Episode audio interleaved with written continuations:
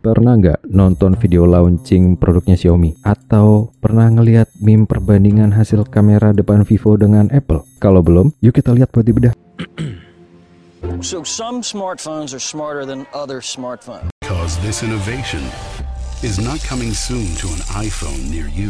Inside, they have folding phones and an epic camera. Did you say folding phones? Yeah. Dari video itu, bisa kita simpulin, gaya mereka tuh cukup frontal ya dalam memperkenalkan produknya. Mereka tuh cukup berani untuk membandingkan langsung produknya dengan produk dari brand pesaing. Gak jarang juga sampai berani menampilkan foto atau nama pesaingnya dengan sangat jelas. Oh, hey. Still on the fence, huh? Just wanted to see if the grass is actually greener on the Samsung side.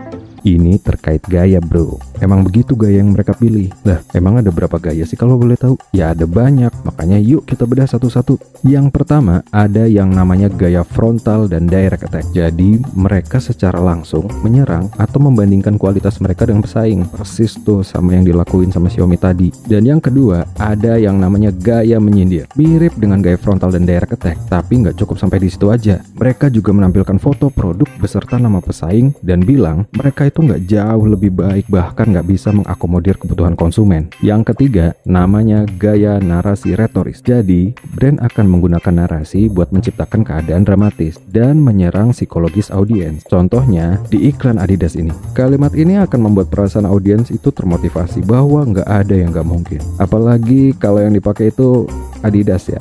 Kemudian ada yang namanya gaya menggunakan brand value. Gaya ini bisa dibilang gaya yang paling aman. Soalnya yang kita tekankan itu adalah keunggulan kita sendiri tanpa membandingkan apalagi menjelekkan brand lain. Contohnya pada tagline iklan Gojek ini. Dia nggak membandingkan dengan pesaingnya tuh, tapi memaparkan keunggulan dirinya sendiri. Dan gaya yang terakhir adalah riding the wave atau sederhananya mendompleng dari sesuatu yang viral untuk diangkat menjadi pembahasan biar tetap relevan dengan audiens. Contohnya pada kasus tagline of the year tahun ini yang dimunculkan oleh Alif Cekmek. Yang kamu nanya kamu nanya banyak banget kreator atau brand yang coba mendompleng dengan meniru gaya atau bahkan menggait Alif itu sendiri agar kontennya ikutan naik. Follow dan like untuk tips-tips yang lain. Keep focus on your purpose